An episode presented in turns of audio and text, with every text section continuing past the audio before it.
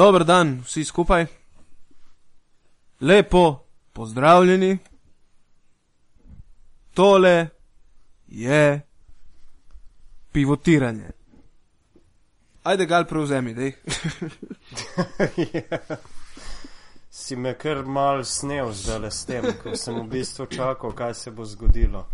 Dober dan eh, tudi z moje strani, oziroma lepo zdrav sem. No, še enega imamo tle, še enega, ki ga tu že nekaj časa ni bilo zraven. Miha, si še tu? Ja, seveda, seveda, sem tukaj. Pozdravljen. Uh, ja, res je pretekel, po mojem, že kak mesec, ne?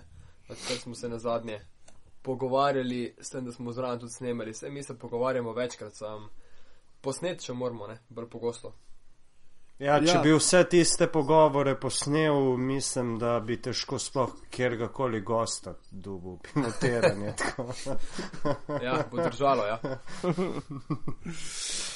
Ok, uh, jaz, dajmo tako, probat preiti na stvar.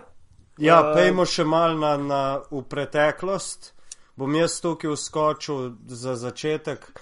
Prejšnja epizoda z Aleksandrom Čikičem je, je naredila pravi rastur. Moram povedati, da smo porušili vse rekorde v poslušanosti. Ne bom konkretno govoril, ampak je šlo do solidne štiri mestne številke, za kar se vsem poslušalcem opala zahvaljujem. Kaj ti je mikrofon dol fuknil? Ja, ga že imam. Uh, se vsem poslušalcem zahvaljujem in za poslušanja in uh, za komentarje, ki jih je bilo kar nekaj. Mislim, da niti ene negativne ni bilo, da smo dobili samo pozitivne feedbacke, kar je odlično. In uh, glih zaradi tega bomo v prihodnosti se še bolj potrudili in uh, če ne drugega zopet dobili pred mikrofon Aleksandra Džikiča in pa v bližnji prihodnosti tudi katerega drugega takega markantnega trenerja, ki ima kaj povedati. Tako To da glede- hvala za vse. Ja.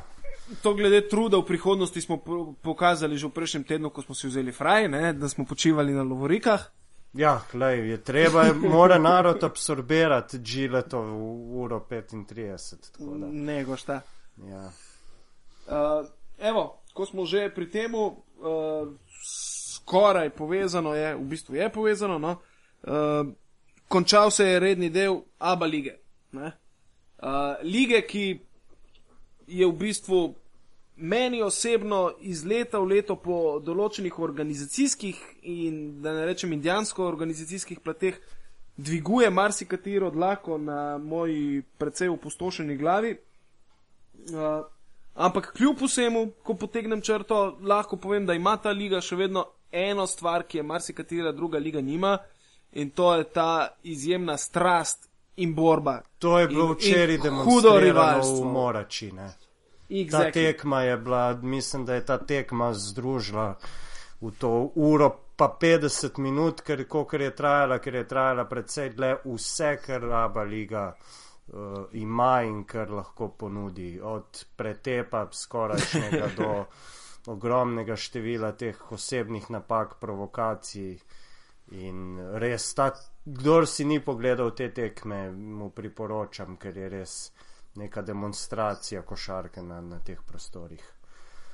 Absolutno, res. Mislim, eh, nekako pred tekmo mislim, da smo se vsi nagibali na stran tega, da bo uh, Partizan tole zmago zvlekel v Morači, predvsem zaradi izjemnega niza, ki ga je v drugem delu Aba lige Partizan prikazal.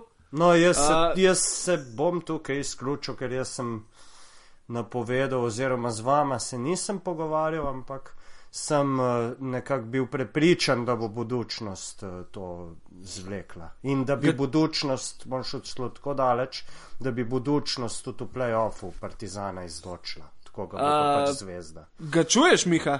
Ja, ga slišim, Ja. ga slišim. Ne, to, kar je zanimivo, ne glede na to, koliko smo se pogovarjali, se pred nama s takimi informacijami prej ni kurčil, zdaj je pa pameten, ne? Ja, ravno o tem razmišljam. ne, Da, Ja. Ni bilo nič govora, kot zdaj pravi, da bo, da bo zgodba Mislim, takšna, kot se ja, jaz sem rekel, da ne bo partizan neki bav bav. Mislim, zdaj le imajo en mesec skoraj časa, mogoče jim, jim uspe kaj poštimati, ampak zdaj pa to ni ekipa, ki bi bila uh, ki bi lahko rekel, da ima neko širino, nekaj karkoli. Po ne vem kolikih letih nimajo centra, na katerega bi žogo dol spustil, ker se je včeraj pokazalo v raket in ga niso mogli dati nikakor. Uh, Zunaj pa Pavlović igra ena na pet in ni zdaj trenutno v taki formi, da bi lahko, da bi lahko on vlekel ta voz. Tako da mene to ni presenetilo. Dobro, oni so imeli vse te tenzije v zadnjem tednu s Pavlovićem in okrog njega, ne, ampak uh, ne, če ga tukaj malo stava, če se ne, če se ne motem, je ravno Gal pisal o tem, da Pavlović zapušča Partizan, ne. Ja, Ja, bilo je rečeno, narobe bilo je rečeno, da z vprašanjem, seveda, ampak mislim, da je bil to samo en tak manever, ki smo jih že vajeni iz eh, Partizana. Tako da jaz mislim, da tukaj kakšnega hujšega incidenta ni bilo. No. No, ob šestih jutraj, če, če ti Vujoševič da trening, verjetno imaš incident sam s sabo, ko se moraš prebuditi, če ne. ja drugega, ne. absolutno, Ja. absolutno. Da se trikrat oščipneš, preden se eh, privlečeš do, do dvorane za trening. In to igralec, ki je 8 let igral v NBA in ima 31 let, verjetno. Pri takih igralcih taki pristop, tak pristop eh, že takoj izzove neodobravanje, brez da bi sploh pomislil. Ne. Ja, ampak zanimivo je, da so sploh odigrali to prijateljsko tekmo z Mega Vizuro. Ja, odigrali so jo zaradi tega, da bi playmakerja, tega konjona, eh, Ja, eh, ja, malo uvedli v igro. Ja. uigrali, ne? ja, ampak ravno on je, mislim, da zakuhal tekmo na koncu. Ne? Ja, Uh, mislim, en, en delež ima tudi on, no, svojih izgubljenih žog, napačnih odločitev. Sicer je zadev tiste trojke na začetku, ampak. po eni strani, kolikor je dal, toliko je odnesel tudi, ne? Ja, približno tako, ja. Ja, mislim, da mislim, da bo Vojoševič imel ogromno težav s tem, da, da njega nekako pripravi, da bo pasal v ta sistem, če ne bo celo to nemogoče. Mislim, od, on je prišel iz Kitajske lige, ne? Ja, Mhm. na zadnje. Mislim, tam je liga za nabijanje statistike. Mislim, da imajo ligo, kjer igrajo tudi 48 minut, uh, se pravi po NBA-ju in je to liga. tam kjer imaš navadno- dejansko tekme, ki se po rednem delu končajo Ja. z rezultatom 140-120. Ja, to je liga, kjer si ti američani Ja. kar, kar fajn nabijajo statistiko. No. Ne gre vse vzeti zdravo za gotovo, kar se dogaja v kitajski ligi. Sploh se pravi, tudi daljša je za 8 minut tekma. Uh, Ja, pa je Sigurno. to čist nek drug sistem, kot ga poznamo na Balkanu, predvsem sploh pri Vojoševiču in na takšni odločilni tekmi, ker se je vedlo, da bo, da bo šlo koš za košem. In je šlo res do konca. Ne? Uh, je pa tudi zanimivo, recimo, uh, Vujoševič je na koncu napadel sodnika Dožaja, tako kot se pač spodobi v vsakem porazu v Abelige. Uh, zdaj, ne gre se za to, uh, da ga je pač napadel, to ni nič novega. Uh, meni je, jaz sem že med samo tekmo gledal in je dejansko bil kriterij zelo zanimiv. Uh, lahko bi rekel celo zelo nenavaden za Abaligo, ker mislim, da so sodniki zelo hitro piskali kontakte in nekako mm, s tem dejansko Ja. ja. onemogočili partizanov način rokometne igre. šli so v to, da so piskali vse, ne? ampak ja. mislim, da vsem, da so bili pa kar, uh, kako bi rekel, da so imeli ta kriterij na eni pa na drugi strani. Ne? Mislim, Tako, da je bila tako. to glih taktika, pač piskali bomo vse, prvo zaradi tega, da bo fair in drugo zaradi tega, da se ne bo mogel nihče pritoževati kaj preveč. Ne? Tako, konec koncev meni se zdi to v redu stvar, ker je precej poživilo igro, ne, ja. nekako hitreje je stekla vsa zadeva. Lepše je gledati, kot pa če to, če pustiš noter v raketi masakr, zdaj se pa jebe, ne, zdaj ga pa dej. Pol pa imaš na koncu unih 15% šuta. in Ne, ne, gledaš, čist boljše, da so presekali že na samem začetku, ker eh, si videl že tenzije na polčasu, ko so šli v slačilnico.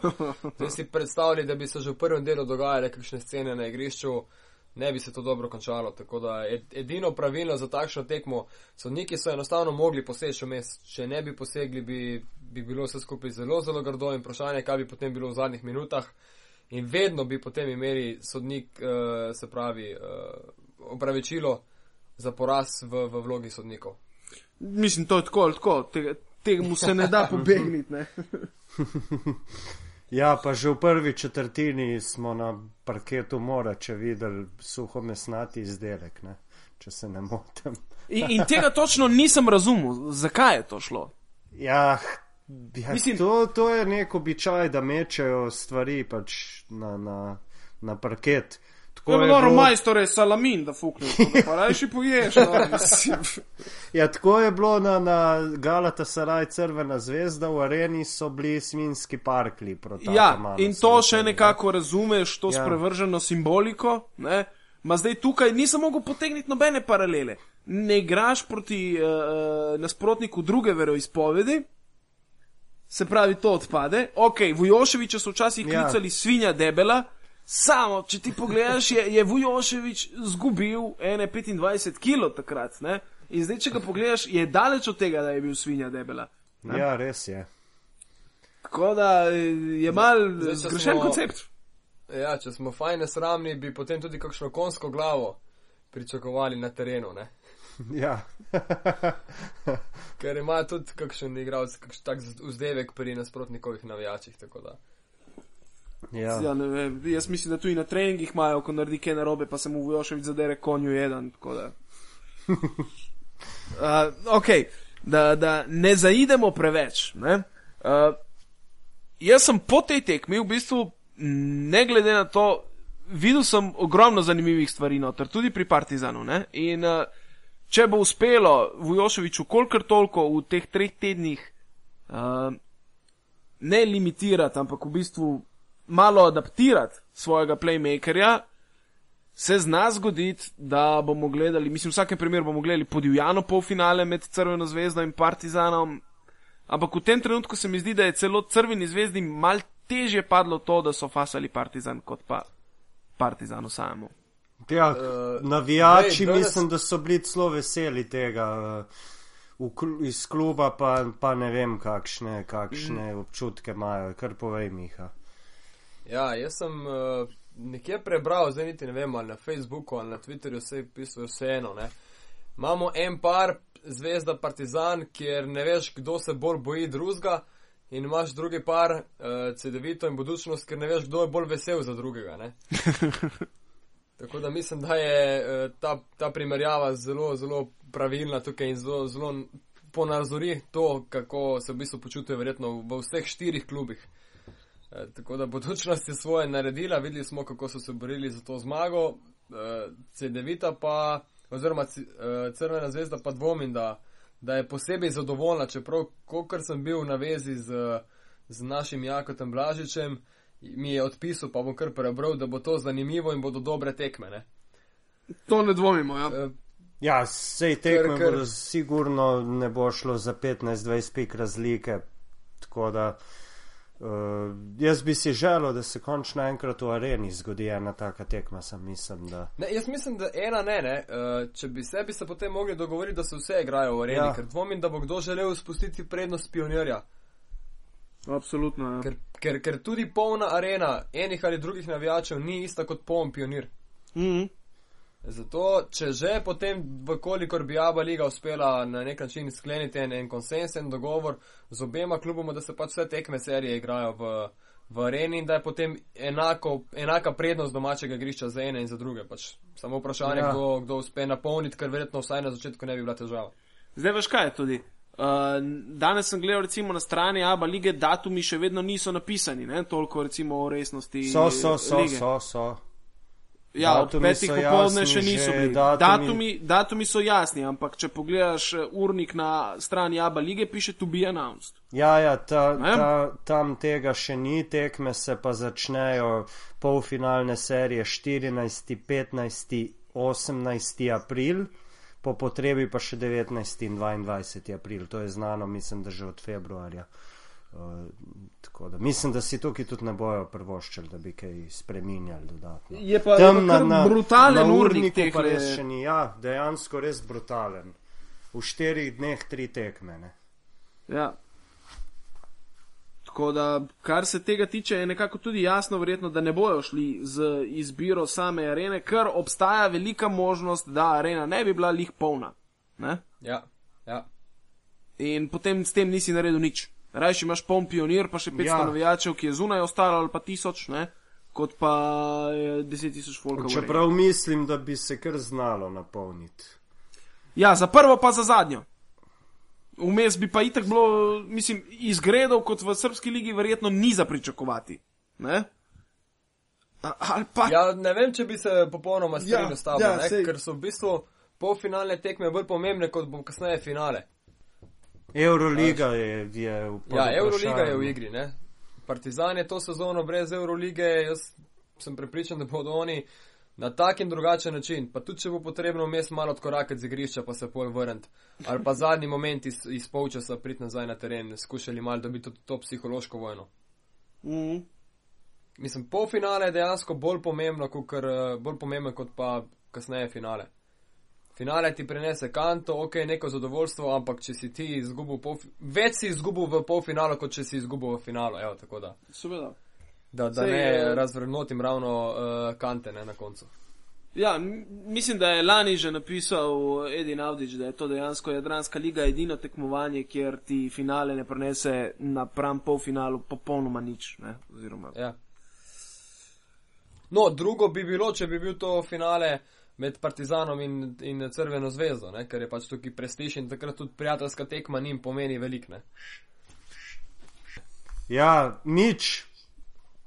Torej smo povedali polfinalna para Crvena zvezda Partizan in budučnost CD-vita. Povedal sem tudi že, kdaj se začne. Zdaj Ne pa. poveš, še, če računaš, uh, dobro, Crvena zvezda in Partizan si se postavil malo bolj na stran Crvene zvezde, zdaj me pa zanima vajeno mnenje o budučnosti in CD-viti, ki smo v bistvu ta par zelo zapostavili skozi praktično celotno debato. zadnji mesec. Ja, bo tukaj vidim podobno, napeto bo, napeta zadeva bo. Uh, mislim, da, da bo tukaj predvsej veliko igralo to, da CD-vita doma nima publike in uh, praktično za njo prednosti domačega terena ne bo, bi pa jaz dal prednost budučnosti, pač kakršno koli že. Bi, me pa ne bi presenetilo, če bi šla serija v pet tekem, tako kot za tisto drugo, pa mislim, da bo končana prej. To je Ja, jaz vidim zadevo tako. No? Uh, mislim, da je zdaj na pamet govorim, vem, da v Morači je zmagala CD-vita ne? In mislim, da je tudi v Zagrebu dobila CD-vita budučnost. Ne? ja, ampak moraš vedeti, da v Morači je CD-vita metala trojke 80 ali 75 procentno na tisti tekmi. Ti, ti, tisti je bilo nerealno. Ne. Tako da, Sa, kljub Ja. vsemu, ne, recimo, če pogledam zdaj uh, v zadnjem mesecu, v zadnjih dveh mesecih je budučnost zelo padala in nekako so že vsi videli, kar da bo zakockala drugo mesto. Ne. Zdaj na koncu se je tudi s prihodom Saoviča, ki je zelo uh, razširil igro v pač njihovem napadalnem spektru, je nekako uspela se dvigniti, tako da lahko rečem, da je njihov trener Igor Jorovič eh, verjetno kar naredil diplomsko nalogo zdaj v tem rednem delu. Ne? ja, sploh s tole zmago proti Sploh s tole zmago. je- Tale zmaga je bil njegov diplomski zagovor, ne glede na to, da se je že lani več čas govorilo, da je on tista šipka točka v, pri sami budučnosti, ker že lani so imeli dober roster, pa nekako se zadeve niso poklople. Letos vse na začetku, potem je seveda sledil nek normalen padec, zdaj izgleda, da se dvigujejo. Tukaj je zdaj še en problem. Uh, v teh treh tednih budučnost nima v bistvu nobene neke resne tekme. Ne? Uh, odigrala bo samo črnogorsko ja. prvenstvo, kjer je nekako že samoumevno, da se sprehajajo skozi njega. CD-vita bo kljub vsemu, kolikor vem, nisem si pogledal urnika, spet govorim mal na pamet, uh, odigrala hrvaško prvenstvo, ki je le kakovostnejše in, in, in bo imela temeljitejšo pripravo na, na to serijo. Ne? In uh, kljub vsemu jaz tukaj vidim CD-vito, ki je imela veliko usponov in pace v tej sezoni, ampak če tudi pogledamo, lani so bili pravi, ko je bilo treba, zmagali Partizan v polfinalu v Pionirju, ne? Oziroma v Areni, tako da skoraj da ne vidim druge variante, upal bi si staviti na CD-vito. No? Eh, Verjetno. No, jaz tudi sem malo bolj na strani uh, zagrebške ekipe. Ampak v tem smislu, oziroma v, v razmišljanju s tem, da bo uh, Ukič odigral v končnici mogoče boljš, kot je igral skozi celotno sezono. In predvsem, da bo bolje metal za tri točke. Mislim, da je njegov procent za tri pike 15 posto pe, tam nekje. 15 odstotkov. No. In vsi pa vemo, da bo pač na vsaki tekmi nekaj trojk zmetal. Ne? Igra okrog 25 minut na tekmo, 26, ker uh, mislim, da bo njegova vloga v tej končnici zelo, zelo pomembna. In, in tudi tisto tekmo, ko si je omenil v, proti budučnosti na gostovanju, je on trojke metal 2-3, kar je bil daleč njegov najboljši dosežek. Ja, cela ekipa pa 12-15 sem pogledal, Ja, ja, ja. ker je 80 Ja. ja. Ja, jaz mislim, da bo budučnost to serijo dobila ravno zaradi tega, ker ima več izkušenih igralcev in uh, širši kader od, od CD-vite. Sploh uh, mislim, da pri CD-viti nekega rutinerja, dobro, Gordič, ki, ki, ki letos ni v taki formi, kot je bil lani pri Gokeji, ima večjo konkurenco tukaj, ne vidim, mislim, da bojo Reynolds, Cook uh, in, in Šehovič, pa tudi Planinič in tako naprej. Uh, da imajo več težkih tekem za sabo, več uh, takih in podobnih serij, in mislim, da bo to pre, prevagalo, čeprav bo pa sigurno napeto do konca. Bo, čeprav tudi CD-vita nima lih nedolžne ekipe, ima kar ene par starih lisjakov noter, ne? že tudi recimo Miro Bilan, eh, Ukič ima leto za sabo kriminalno sezono, pa če pogledaš v katerem koli drugem klubu, da bi igral, evo, predstavljate si, da je to slovenski igralec uh, in da pride v Olimpijo, pa, pa njega bi do zdaj že, folk bi ga požrl, ne, kako ne, njega ne bi kriminalno več, ja. igra, kaj, točno to. V CD-viti pa nekako, ravno zaradi tega mogoče, ker nimajo uh, za sabo ogromnega zaledja publike in recimo, če pogledamo primer Olimpije, ki nima ogromnega zaledja publike, ima pa ogromno zaledje kafanskih navijačev, ne, ima ta mir. Tako da, po moje, ne občuti takega pritiska, kot bi ga občutil v nekem drugem klubu. In njemu je dovolj, No. da zdaj ukič. Ne? Ja, to, to sigurno drži. Moramo povedati, da je on zelo, zelo dober kolega z Jasmino Repešo. Ja, seveda. Njega on že Se je bil njegov prvi celo- play tudi v reprezentanci. Ne? Ja, celo kariero ga, ga v bistvu vozi s seboj, uh, tudi v tujino. In uh, to tudi že bili in komentarji, intervjuji, pa mislim, da tudi v Euroligaškem magazinu enkrat njuna zgodba o tem, da sta zelo, zelo dobra prijatelja, uh, tudi izven terena, ne samo na terenu. In mislim, da mu tudi on daje tukaj neko potrebno podporo in verjame v to, da lahko z Ukičem nekaj naredi. Seveda, pol imaš tukaj še, če pogledaš, uh, CD-vita je čez celo sezono eh, dajala kar priložnosti tudi mladim igralcem, recimo Karlo Žganec, ne, letnik 95, se je kar neki naigral. Ja, pa Uh, Rapovič tudi. Tako, uh, tako da načeloma uh, v njihovem rosterju ni prišlo do neke preutrujenosti kadra. Uh, razširuje s tem, ko je dal priložnost mladim, je nekako razširil svoj roster, da bo lahko tudi na teh tesnih tekmah več rotiral. Ne? Ja, da to Tukaj jaz jaz, vidim njihovo prednost. jaz zagotovo pozdravljam sistem in pristop eh, CD-vite, tukaj, tukaj ni dileme. Ne. Mislim, da, mislim, da imajo enega tujca, pa še ta je Nemanja Gordič. Dva, dva, še Markus Lončar. Kdo? Ja, točno to. Markus Lončar. Ne vem, sploh, če je igral kaj v tej sezoni. No, ja, ampak je. eh, realno pač od teh, ki, ki, ki so v kadru, uh, Je imajo samo enega tujca, vsi so hrvaški košarkari, mladi, tako da mislim, da ta sistem nakazuje tudi mogoče kakšen zgled za ka, katero drugo ekipo, ki, ki bi se lahko poslužila tega, pa predvsem ekipa, ki bi skoraj bila prisiljena v to, CD-vita recimo ni, ne. CD-vita ima nekaj denarja, eh, imajo pogoje, njim treba ravno zdaj si belt glave ali bo plača ta mesec ali ne, ne. Pa so se zavestno odločili, da grejo v to pot. Marsikater drug klub, ki pa ima težave finančne, pa se tega ne posluži. Ne. Ja, sem ti moraš Zato- vedeti, da ni prišel igrati recimo ravno Rokoleni Ukič za Kikiriki, da tudi Miro Bilan verjetno ne igra lih za štipendijo tukaj. Ja, to Ne? se pri Ja. Ukiču, pri Ukiču tega ne pozdravljam toliko kot pri, pri mladih, recimo. Ne. Ja, ja, Te mladi pa je verjetno jedro, tudi nimajo- jedro hrvaških igralcev Ja. je tukaj v bistvu, ki je precej drago, če tako pogledaš. Ne? Je, Ja. Ni lik, da je to zdaj blazno poceni ekipa. Ni. Ja, jaz mislim, da napram recimo Crveni zvezdi je smešno poceni ta ekipa. Ja, ne vem, ne Mislim, vem. na pač, pamet govoriva. Ja, M mislim si, no, to je pa tudi Ja. vse. Ja, nič. Okay. Uh, pojdimo malo še zdaj na, na, na vprašanje oziroma istočnice naših gledalcev, pa bom jaz zdaj enega prebral. Največje pozitivno in pa negativno presenečenje v tej sezoni. To je mojca Uh, napisala, ne? Ja, tako. Odgovor za pozitivno presenečenje je ponudila že sama, Metalac, seveda, ki je kot debitant v ligi na koncu prijadral do izjemnega šestega mesta in celo uvrstitve v Eurocup, potem ko so izgubili prvih pet tekem. Ki so jih vse igrali v gosteh zaradi Ja, nove dvorane. in zmagali so šesto, tisto famozno v Stožicah, ne, po zaostanku 18 točk.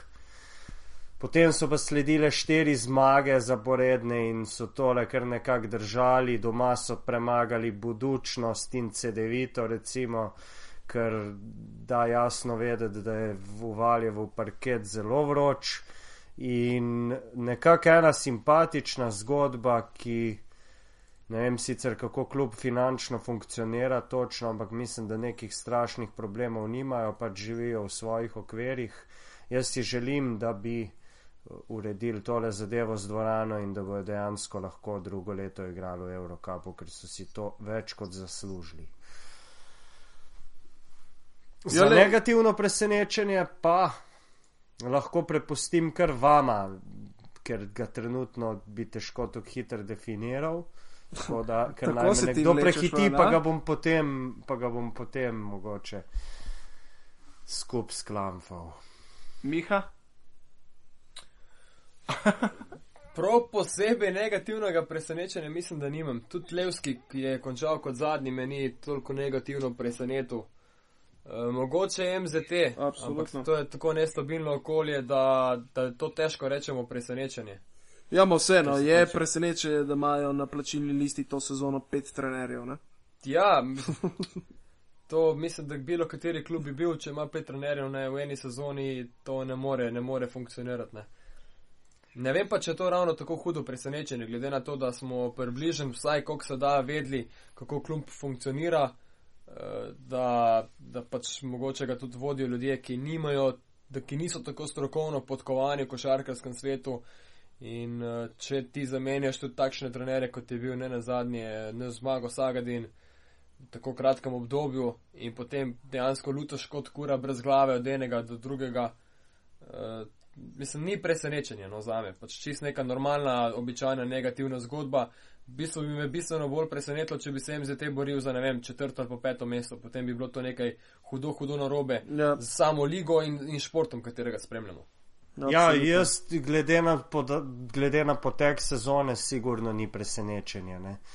Uh, Kar se pa tiče zad, pred zadnjega mesta, jim ga pa jaz ne bi napovedal pred sezono, bi jih postavil vse mogoče mal više. Stari, sorry, pred sezono so imeli zmaga Sagadina na Ja, Kopi, ki pa izmeraj med tudi- prvimi ja. v Evropi začele priprave. tako Da, Pa, pa, pa tudi ja. ekipa poimensko ni bila tako za nič, ne, daleč od tega. Uh, je pa res, da v tej ligi je težko karkoli okarakterizirati za, za negativno presenečenje, ker bi lahko pa metalac dobil, oziroma MZT dobil dve tekmi več, pa bi bil že skoraj na sredini lestvice. Ja, jaz bi recimo za tukaj je- negativno še dodal, kar je spet po spletu okoliščin postalo negativno, ampak je v bistvu zelo trnavo in strmoglavo pot je prehodila v tej sezoni Cibona.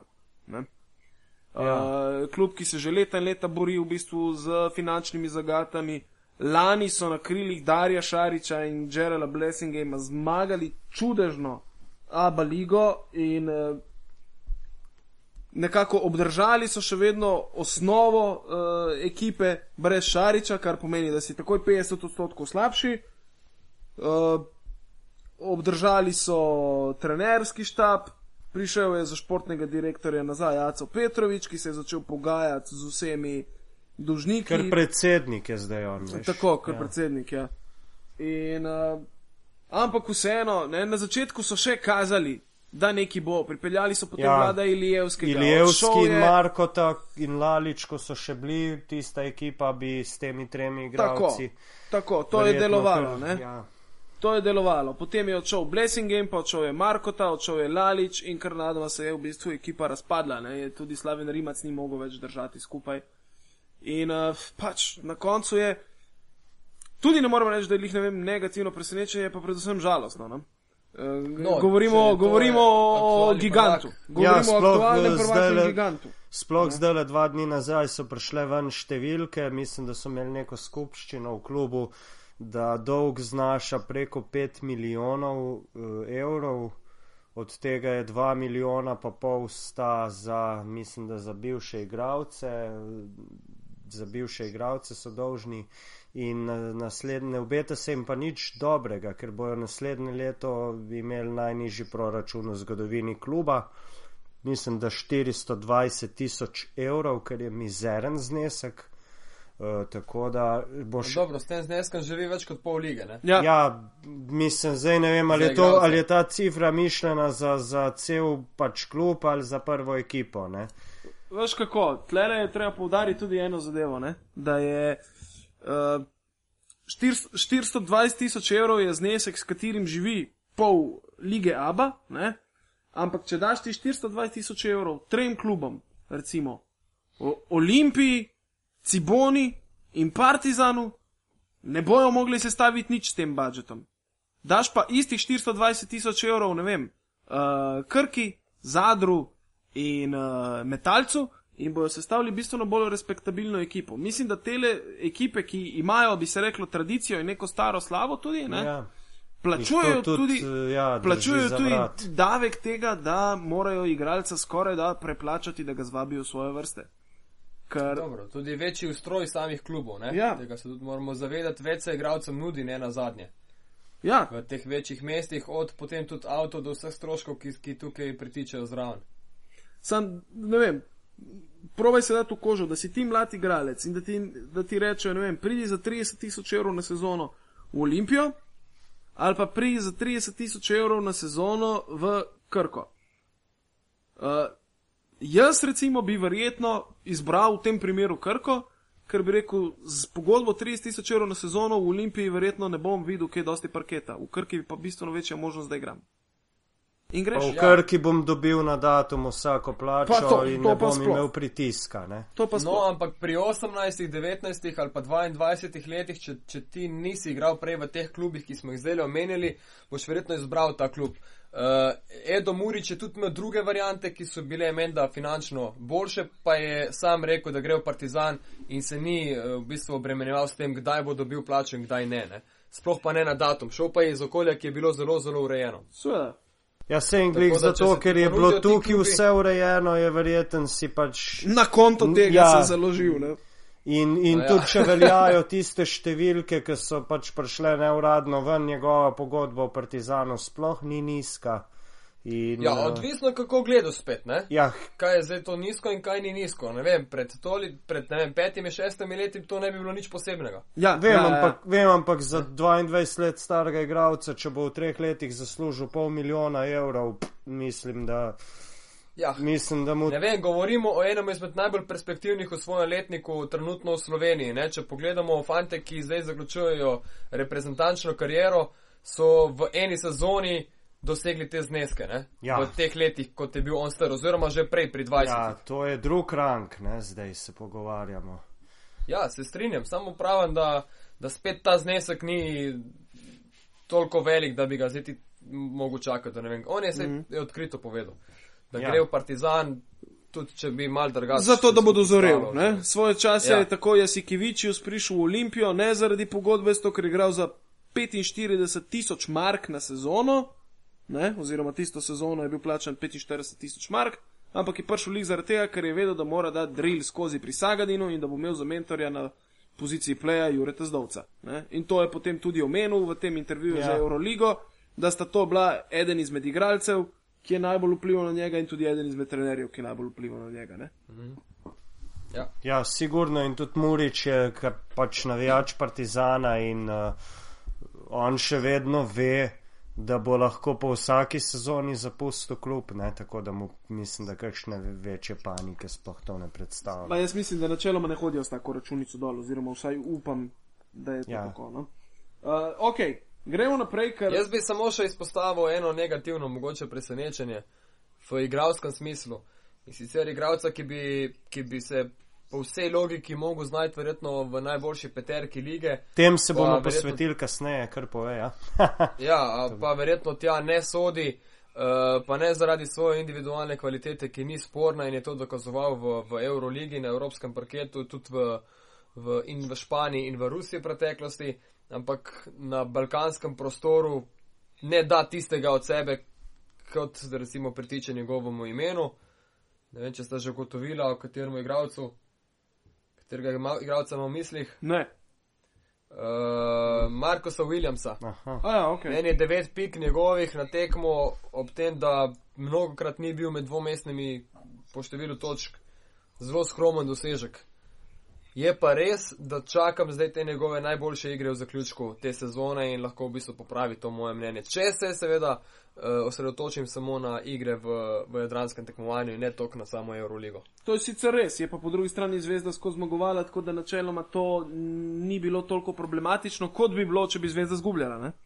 Ja, Ja, mislim, mislim da, bo, da bo on še zelo na udaru v polfinalu.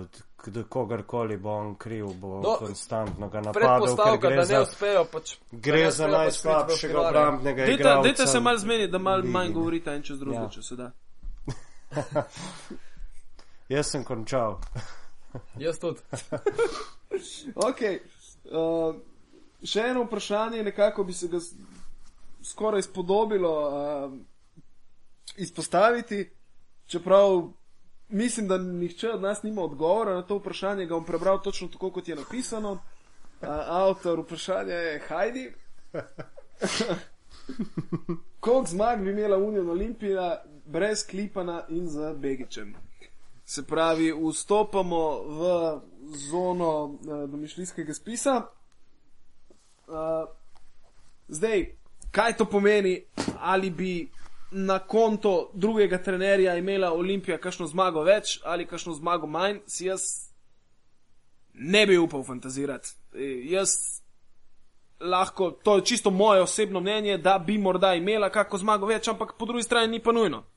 Pipan je naredil konec koncev selekcijo tega tima, kdo ve, kakšno selekcijo tima bi naredil uh, Memi. Fulje enih faktorjev. Je pa absolutno, da z samim Begičem v rosterju bi tudi na izkušnje kakšna zmaga več padla, verjetno se ne bi zgodila. Bah. Ja, z če, Begičem je, je nerealno. Ne? A seveda je nerealno. To tudi- Ko so bili komentarji, da, da bi bilo potrebno zbrati za Begiča, itd., itd., to je praktično na meji norosti oziroma neumnost. On je tukaj igral do trenutka, ko dobi drugi klub. Uh, to je bilo jasno vsem. To je, to je bilo neko darilo z neba, ki je priletelo za tisti mesec in pol. Tako. Hvala Bogu je Olimpija to izkoristila in dosegla nekaj zmag. In, in tle se zgodba za mene konča. tudi jaz se tukaj čist strinjam. Veš kaj je tudi? Z- Begič mi je res nerealno razmišljanje, Ma ne, bi on tukaj zgodba, ostal celo sezono. zgodba z Begičem ima tukaj v bistvu dvojno negacijo. Ne? Zato, ker prva negacija je ta, da je potrebno se pravi zbrati dodatna sredstva, pa že v osnovi ni sredstev za celoten roster, ne? Zdaj pa boš še za enega čez spravljal. Se pravi, tukaj je dodaten minus in drugi minus je to, da imaš na prvem centru Omiča, ki ni poceni center več, ker od, trenutno dela tretje leto svoje pogodbe in ima potem še eno leto pogodbe, kar pomeni, da ga načeloma so hoteli v tej sezoni toliko sforsirati, da ga morda po tej sezoni prodajo odškodnino. In če daš ti za noter prvega centra Begiča, za katerega moraš od nekje ščarati nov denar, si s tem zgubil še denar, ki bi ga mogoče dubu z prodajo Omiča. Ne? Tako da, that's a no-no. Ja, Ja, ta Begič tako je bila nerealna. No.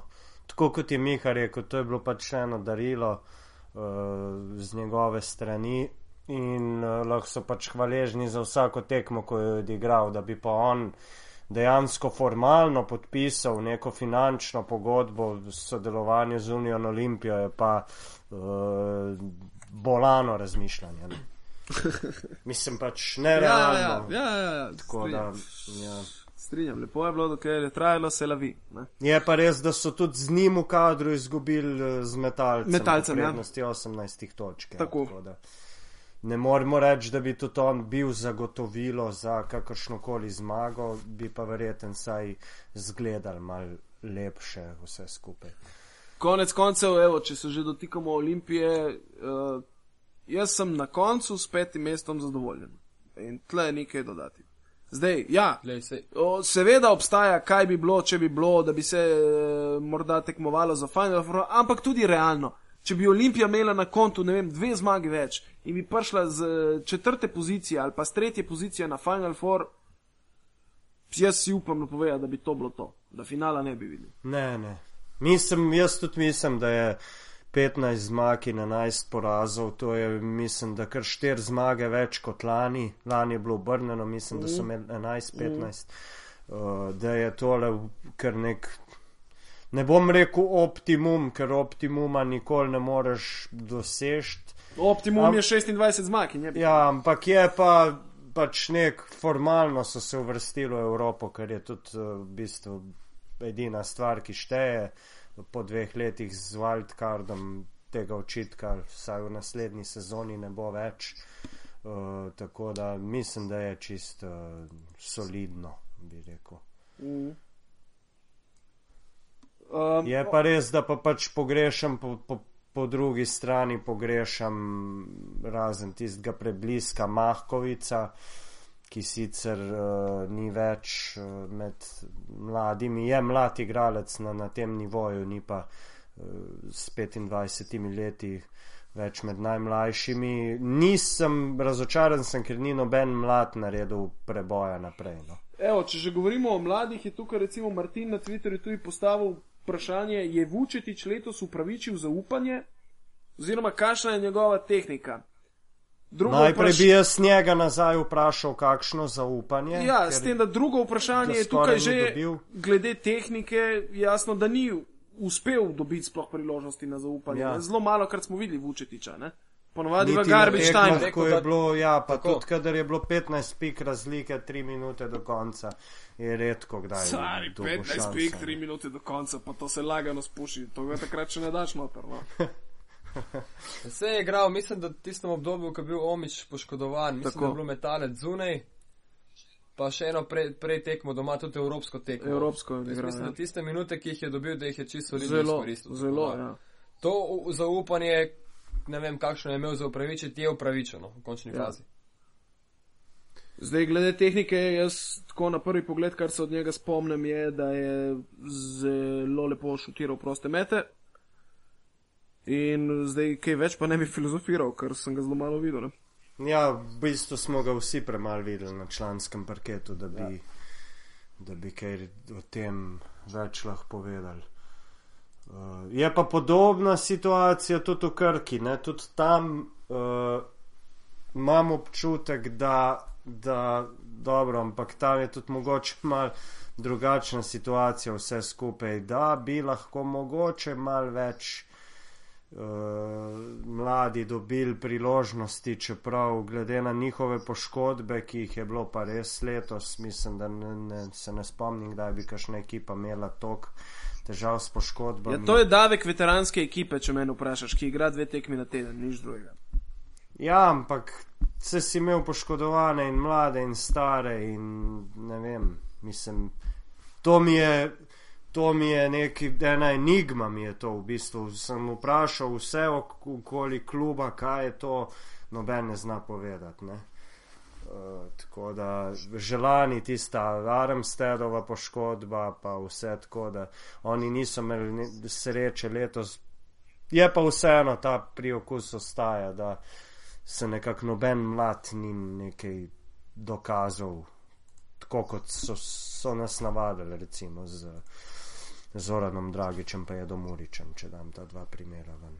Ja, očitno prehodna sezona, kar se tega tiče. Ne? Zdaj, uh, ne vem, v sami Krki recimo je malo žalostna slika bila na koncu to. Mislim, če pogledaš, dobili so praktično vse uh, ekipe, ki so se uvrstile na Final Four. Mhm. Uh, potem pa zadnjo tekmo, ki je odločala na domačem parketu z uh, Solnokom. ok, so zgubili. Mene je najbolj zbodlo v oči to, da ni bilo gledalcev na tekmi. To pa mene, mislim, sej to nisem verjeten edini, ampak mislim, da na tisti tekmi v zadnjih petih minutah sploh točke ni dala krka. Ne? In, in jaz sem se pač upravičeno ali pa neupravičeno večkrat med to tekmo vprašal, če si oni sploh želijo zasest ta šesto mesto, s katerim bi pol nekako morali igrati Evropo, ki je pa v novem mestu, vemo, da ne morejo. Klub za nameček nima evropskih ambicij in uh, tista tekma je bila čudna, milo rečeno čudna in ne bom pač sicer nič obtoževal kogarkoli, da je znamerno zgubil ali pa kaj takega, ampak imam pa take čuden občutek, no. Mi, Ni bilo neke borbenosti, žara, zagriženosti videti. Ne. Miha, imaš še ti kaj za dodati? Pa samo deveto mesto je meni mal premalo no, za Krko. Ne glede na proračun, ne glede na vse, pokazali so sedmih, sedmim igralcem, so premagali Crveno zvezdo kot prvi uh, v jadranskem tekmovanju. S temi zmagami proti dejansko ekipam z vrha so pokazali, da imajo nek kader, ki zna igrati dobro košarko. Zdaj, zakaj pa takšni paci? To je pa zelo, zelo težko tukaj razložiti. ne. Zdaj, uh, velikrat rečemo, da so kljub brez nekih super ambicij, zdaj s tem, ko so na koncu zgubili tudi tekmo za Evropo, so pač mogoče mal pokazali na, na to, da, da jih to res ni zanimalo. Ampak ne glede na vse, moje mnenje je še vedno, da bolje, da se tja uvrstiš in potem pač ne igraš, ne glede na to, da je morebitna kazen, ki ti preti za prihodnje sezone, kot pa to, da dejansko namenoma odigraš tekmo, ki, ki v bistvu te ne, te ne interesira. No. Ja, ampak mislim, To- da po drugi strani si predstavljaš, kaj bi bilo, da se krka uvrsti in da vodilni v klubu rečejo, ne bomo igrali. Kaj bi to pomenilo za igralce, za trenerja, ki ima više ambicije, kot so. Tako, to je Kot degradacija. so te in, predu, ja, in predvsem, Ja, kaj a, bi, a to pa ni. in predvsem, Čakaj malo, kaj bi pa rekel, degradacija. Ja, seveda je degradacija, ampak bi- to degradacijo je pa kolektiv sam naredil na parketu. Je Ja, drugače, in kot če predvsem, zeleno kaj bi, naredili, kaj bi naredila javnost v tem primeru. Znova No, dobro, z javnostjo se jaz- na kol, z javnostjo se tako kot jih je ker- smodišem in uh, pač oni so. Pa, dobro, ta javnost je pokazala, koliko je do, do tega, Ko je prišla na tekmo, točno to. Tako da kaj javnost si, dvorane kaj si prazne, javnost ne. misli glede tega, je brez veze, ker javnosti ni na tekmah, tako da Mhm. naj se gonijo nekam, kar se tega mnenja tiče. To velja tako za Olimpijo, kot za Krko. Ne? Ampak spet, ne, tistih toliko sto ljudi, ko je bilo pač na tekmi, jih ti ne moreš za nos vleči, ne. Ja, ja. In da daš slabih, nisem dobrih 60 pik na domačem parketu, prosto je. Lej, Verjetno pol ne boš več tega teh ljudi dobil, niti teh, ki so prišli na tekmo, na naslednjo tekmo več. No, Ja, razen če pride Olimpija.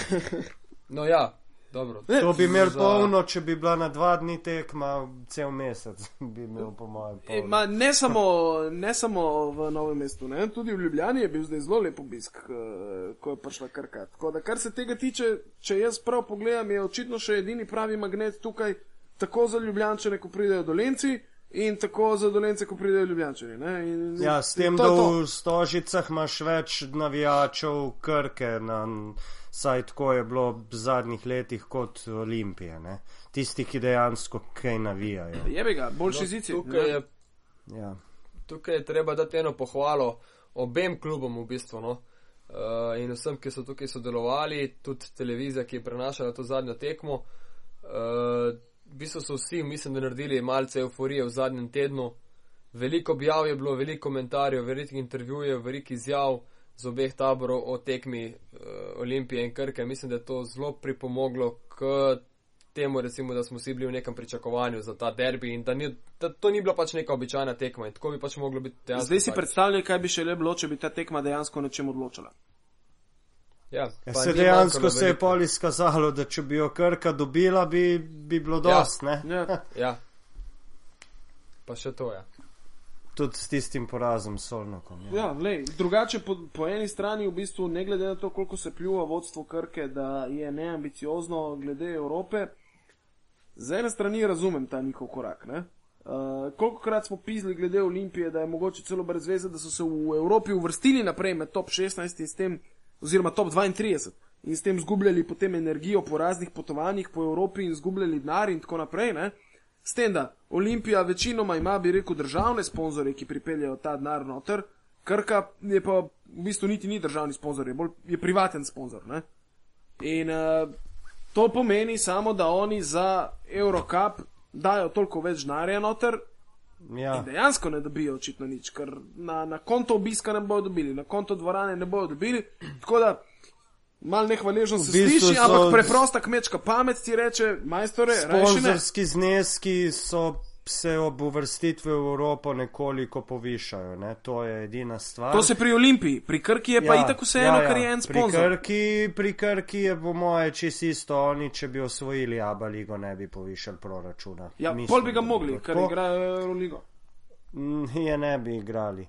Uh, no, je pa no, ta no, fora, ne, ko krut, si rekel, pač krka, krka neambicioznost. Po drugi strani je pa letos morala igrati državno prvenstvo, v katerem je, je redno tudi zgubljala tekme proti ekipam, pač ki pa pustimo spet njihov pristop, pa vse ne. Od tega pa tudi nisi imel skoraj nič, ne. Tako da tukaj je težko reči, zdaj kaj je boljše. Lej, tem z- Jaz si, jaz si želim to za vse klube na tem svetu, če igravci na parketu si nekaj izborijo, se dokažejo, eh, da so mogoče prerasli ta nivo, da klub in gre nasproti in jim to omogoči. Nisem pristaš tega, da se nekaj umetno dviguje, pretirava, ampak če ti klub pet let državni prvak s tem je nakazal neko konsistenco, da je prerastel te okvirje, dejte se potruditi pa mogoče tem fantom, da naredijo ta korak naprej, ker so ga sami Si zaslužili, ja. si zaslužili sami, brez česar koli. Ne. Ni to neki, neki, kot se včasih govorili za Olimpijo, ima Euroligo, imajo tudi če vse spušijo doma. Ne. Tukaj je bilo čist drugačne. Tako da, No, to je moje moja kritika in bo večna, po drugi strani pa klub oziroma Krka DD je, je subjekt poslovni, oni so več kot uspešno poslujejo in jim tudi nimaš kaj očitati, ne, ker pač s svojim denarjem lahko delajo, kar želijo. Dobro, delno bom uh, delil tvoje mnenje, s tem, da bom sam še dodal, uh, da tudi jaz razmišljam v tej smeri, da, če, da mora v bistvu klub oziroma ustroj kluba slediti tudi rezultatom in ambicijam fantov, ki jih imajo na terenu. Uh, če pa so razmišljali v tej smeri, da jim sedmo, osmo mesto nista ravno glavni cilj, so potem imeli možnost, da mogoče kakšnega igralca prej prodajo, eventualno uh, po zimi da se res v prvi plan potem potisne neke mlajše igralce. Vse so igrali, da ne bo eh, tukaj kritika neka z takole na pamet, ampak da se potem da tudi zadnje žoge tem igralcem in uh, je potem vseeno, če se kakšna tekma že prej izgubi in se je na koncu deveti ali pa deseti. Ja, ampak potem imaš problem, Je bilo jasno, da potem- ne more pač noben od teh. Ne. Ja, potem imaš pa problem za prvi cilj Krke, ne, državno Ja, prvenstvo. za ne. državno Oni prvenstvo, bi ja. verjetno Armsteda za, za neko solidno ceno in tudi lani Muriča je bila zelo podobna situacija, ne, pa ga niso dali, ne. Zaradi Muriča je bila pa tako nizka odškodnina ponujena, Ja. ja. da boljše, da ga niso dali, ker če mal pretiravam, bi ga potem tudi mi trije verjetno lahko kupili, če še malo Ja, sponzorjev to je res, ampak-. To je res, ampak še zmeri bom rekel boljš pet urjev kot, kot nič. A, no, ne, no, no, ampak- no, ne, ne, pač- tle pa že vprašanje časti potem. Ja, Ne. seveda je, ampak če oni ne bi imeli za cilj državnega prvenstva, ne bi verjetno prodali. Ne, če, ti, če ti prodaš za tako nizko odškodnino, igralca, ki si ga imel štiri leta noter in ga razvijal, to pomeni samo ena stvar. Moje delo ni vredno počenega groša. Da, glede Ja, na to to, da že res, celo dajo ja. preklinjam, da se enkrat normalno izrazim. Tako lepo si se izrazil, gledano to reči. Ja. Nič, zdaj smo pa že tako daleč, da moramo tudi še, še eno istočnico smo dobili, pa tudi jaz bi Še eno, tega. dobili smo jih deset, sem jih nimamo Ja. časa obdelati. Uh, tudi če je ne bi dobili, bi jaz to vajo, va, vaju dva pozval, pa bom jaz prvi začel, pa potem vidva lahko komentiramo ali pa sam povemo. Prvo peterko Aba lige, ne? seveda, kaj pa drugega. Začniti. bom jaz začel, ja, eh, pa bom, pa bom kar takole mal, piz, ne bom šel od pleja do centra, ampak bom kar nekako Šaflov. začel pri, pri tudi uradno najkoristnejšem igralcu lige, Nikoli Jokiču, ki, ki bi ga jaz definitivno dal v, v mojo idealno peterko. Uh, zaradi, samih iger, ki jih je pokazal, no, ogromen napredek. Mislim, da je to eden center, ki, ki jih praktično ni pri nas, sploh na tem področju, gibljiv, mehka roka, podaja, ni da ni. In, in tudi dobo je pač pred sezono bilo že jasno, da ga bodo probali sforsirati, ker je Alpa Barca trkata na vrata. Torej, Nikola Jokič prvi, uh, v centrskem paru z njim bi dal Bobana Marjanoviča, seveda. To zato, ker je pač igralec Crvene zvezde, najboljši igralec uh, najboljše ekipe in tukaj tudi ni bilo nobene dileme. Pa še en center bo v moji ekipi, to je Miro Bilan. Brez, uh, brez njega. Kako jih boš pa ti postavil na parket prišla. zdaj? Sam to me zanima. Ja, lej. Tudi v NBA-ju imaš prvo peterko lige, v kateri imaš tri playmakere. Dobro, tri playmakere, Ja. ja. tri centre. Ja, bi se že zmenili nekako, cono bi igrali. verjetno, Ja. Sej, hej, uh, ne, ja. Ti trije centri tako ali tako ne bodo dobili žoge, ker bo njegov prvi playmaker Arabs. Ja. No, torej, Mero Tako Bilan, imaš tri tekače. Mero Bilan je, je tretji, uh, pač vsaka ekipa, ki je na Final Fouru, si zasluži enega igralca, razen Partizan je pri meni. Ne bo imel, torej, Mero Bilan. Kako si ti Potem- zloben človek? Potem, potem Jaz imam pa mislim, da tukaj še bodo. najboljšega na igralca spet. budučnosti, Suada Šehoviča, ki sicer ponavadi na najpomembnejših tekmah uh, se nekako skrije, kar se tudi včeraj pokazal, ampak glede na celo sezono je tole, mislim, da je njegova daleč najboljša v karieri in je bil res konstanten, 13 točk na tekmo, skoraj 7 skokov, kar je za igralca na njegovem položaju nenormalno dobro. Tako da ja, Sua Čehovič. Na Playmakerju sem pa imel dilemo Miljenovič Armstead, ampak sem se zaradi tega, ker že Mega, Megalex že ima svojega člana odločil za Armsteada, predvsem pa zato, ker je edini igralec v ligi, ki je sam premagal marsikatero ekipo, dobesedno sam. In uh, rad imam take igralce, čeprav so doskrat z žogo naredijo kaj neumnega, ampak Krka ima v njemu enega, ki mu lahko da žogo in zna on sam tekmo odločiti. Tako da to bi bilo vse z moje strani. Miha, štartam jaz, štartaš ti, kakšne preference? Lahko štartam, gledaj. Krdej, Uh, štartam na centrskih pozicijah. ok. Normalno, tudi pri meni Bobinator na petki. Uh, mislim, da ni kaj tle potrebno Tle, tle smo dileme, ja, to ga imamo vsi trije. enostavno superioren, Ja. skozi celotno zo- sezono, dosti konstanten, uh, mogoče v zadnjih tekmah, v zadnjih kolih malce Ma manj. sej, sej mi je tudi ni malo igral. Tudi igral ni več, ja. Ja, tudi, ja, tudi to je drži, ja. ko ga je Mike Cirves čist dobro nadomestil, ampak se bo pa videlo zdaj v polfinalu, v bistvu že s Partizanom, če je to to in uh, ga verjetno lahko drugo sezono čakamo, zdaj se najbolj pogosto omenja Barcelona, tudi zdaj z Barcelono njegov menedžer Miško Rožnatovič bil na tekmi v areni, e, tako da mislim, da se zna tukaj kaj, kaj dogajati uh, za prihodnjo sezono, pogodba mu itak s Crveno zvezdo poteče. Tudi pri meni je Nikola Jokič v peterki, uh, ker v bistvu gre za enega mladega košarkarja, najkoristnejšega v ligi. Res je, da pri Mega Vizuri večkrat rečemo, da se stavljajo bolj kot ne igralce iz statistike, ampak je mislim, da v letošnji sezoni pokazal zelo dobre predstave in kar nekaj dvojnih dvojčkov. Potem imam tudi jaz Suada Šehoviča. Uh, ne vem, zdaj se mi je tudi zelo konstanten čez celotno sezono.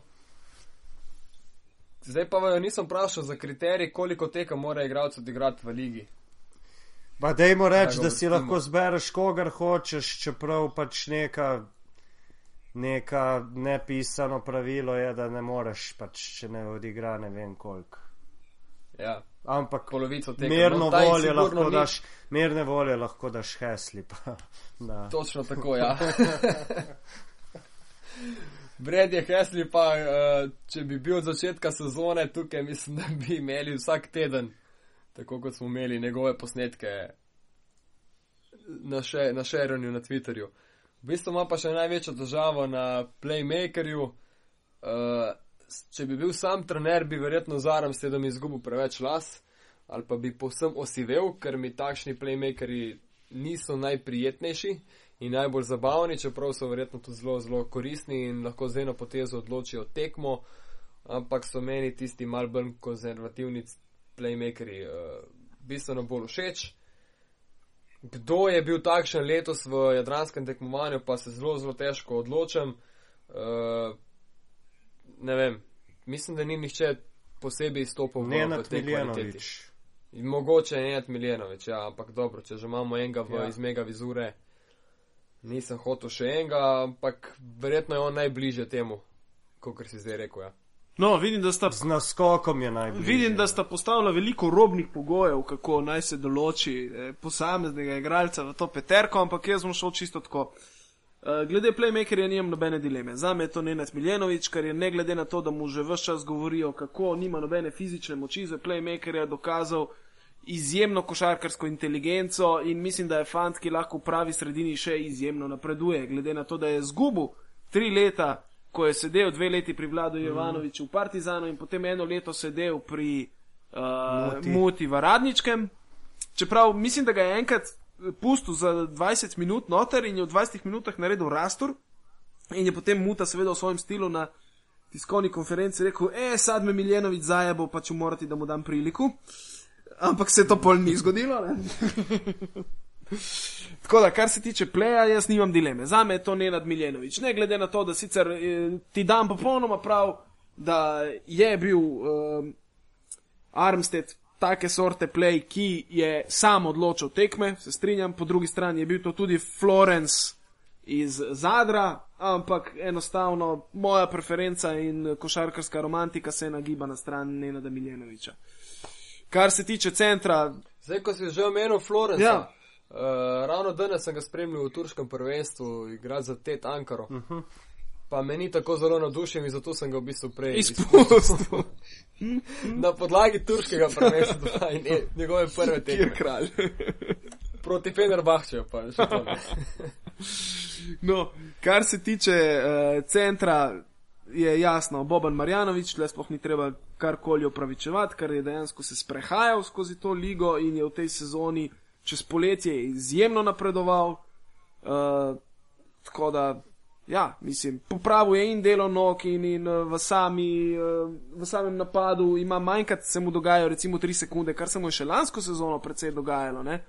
Markus Williams je tukaj recimo mu zelo pomagal, ker je dober pick and roll uh, igralec in nekako je ta naveza proradila. Ne?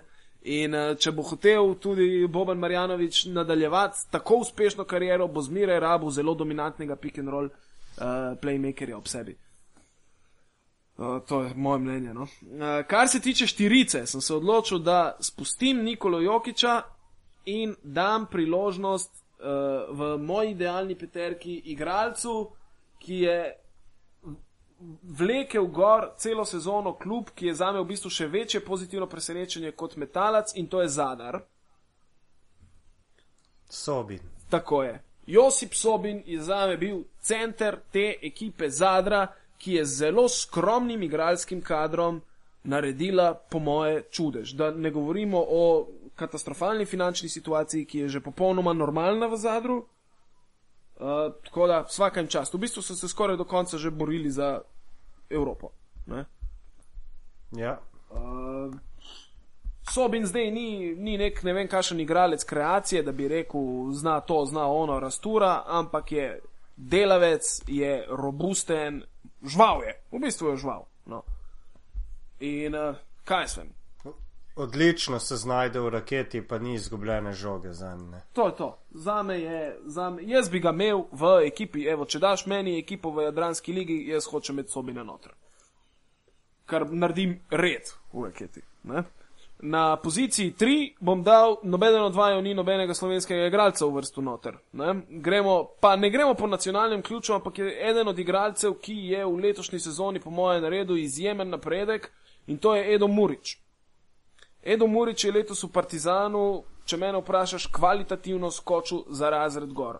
Že prej je bil znan kot borec in vse, ampak letos je pa postal lačen, postal je vampir. Vidiš ga, da, da je žejen krvi. In to je tisto, kar slovenska reprezentanca rabi. Uh, imel je smolo, dve poškodbi, ena mal večja, ramena. Uh, do takrat, sicer v precej spremenjeni ekipi Partizana, uh, uh, je bil izjemno dominanten, je bil praktično edini napadalno resno sposoben v tej Partizanovi ekipi, ampak mislim, da ta sezona bo ena izmed njegovih prelomnih v njegovi uh, karieri, ki bo šla navzgor. Kdo mi je še ja. ostal? Ostala mi je dvojka. Uh, Kar se dvojke tiče, je tle najbolj zihar varianta, recimo ravno Sua Čehovič, verjetno, ki si ga že ti gal uvrstil noter, zato ker je v letošnji sezoni se predstavil spet kot en igralec, ki je v bistvu postal zelo kompleten na svoji poziciji. Ne? Ni to samo catch and shoot ja. igralec, zna igrati v raketi, zna skakati, je izjemno dober v obrambi.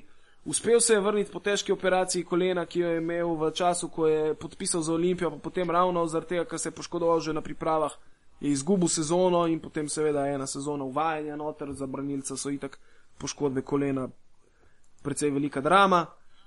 Tako da, evo, to je moja peterka, vseh imam pet zdaj, ne? Miljenovič, Šehovič, ja, vsi, ja. Murič, Sobin, Marjanovič. In uh, če izbiram pa idealnega trenerja, pa izberem Anteja Nazorja, zato ker je ustrajal in v nemogočem položaju izvlekel krasno sezono z Zadrom, ki se je lani rešil pred izpadom iz uh, Abu lige ravno zmago nad Olimpijo v, zadru, v zadnjem kolu.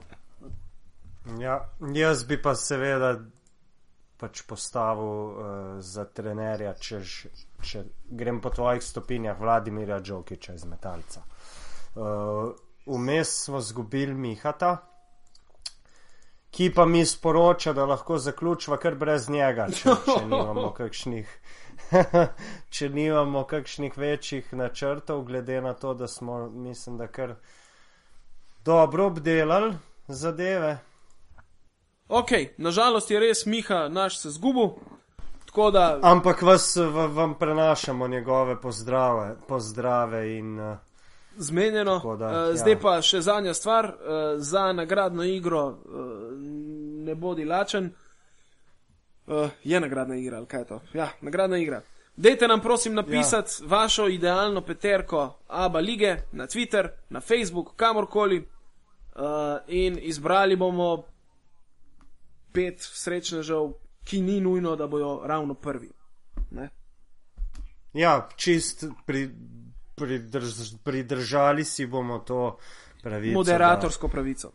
Ja, da če bo nekdo celo peterko unijo na Olimpije recimo napisal, bi mu že skoraj za izvernost morali podeliti. Tako da, Tako. Ja, napišite svojo idealno peterko, zraven pa označite v tvitu še pivotiranje in pa hot horse. Tako. Da, da, da bomo našli to zadevo. Uh, hot horse je afna, hot horse si pivotiranje, pa afna pivotiranje. Tako. Zdaj pa, ker smo že tukaj, lahko zaključim s temi admin zadevami. Ne? Ti to rasturaš, ti to rasturaš, jaz te tako rad poslušam, kot to delaš. Pivotiranje, Twitter, Facebook, to je jasno. Vsaka ocena tistih, ki nas poslušate v iTunesih, je več kot dobrodošla. Uh, Seveda nas tam lahko zatežite na Twitterju, Facebooku, kakorkoli. Mene najdete z bale z dvema L na Twitterju, na Facebooku pod imenom in primkom, moja, uh, moje izlive misli in vsega ostalega pa na košarka.si. To, to bi bilo z moje strani kar vse. Tako, Miho najdete pod Afna Penkalis, Mene najdete pod afna t jablonski z y, to se podrazumeva Twitter, da ne boste slučajno iskali po kakšnem Instagramu. Uh, to je to. Pivotiranje je del Ja. mreže aparatus, smo v iTunesih, stisnite pet zvezdic, ne bi škrti, zmenjeno. Ajde, čau, do naslednjič. Hvala vsem, ki ste bili z nami do konca in na poslušanje do prihodnič. Živijo. Živijo.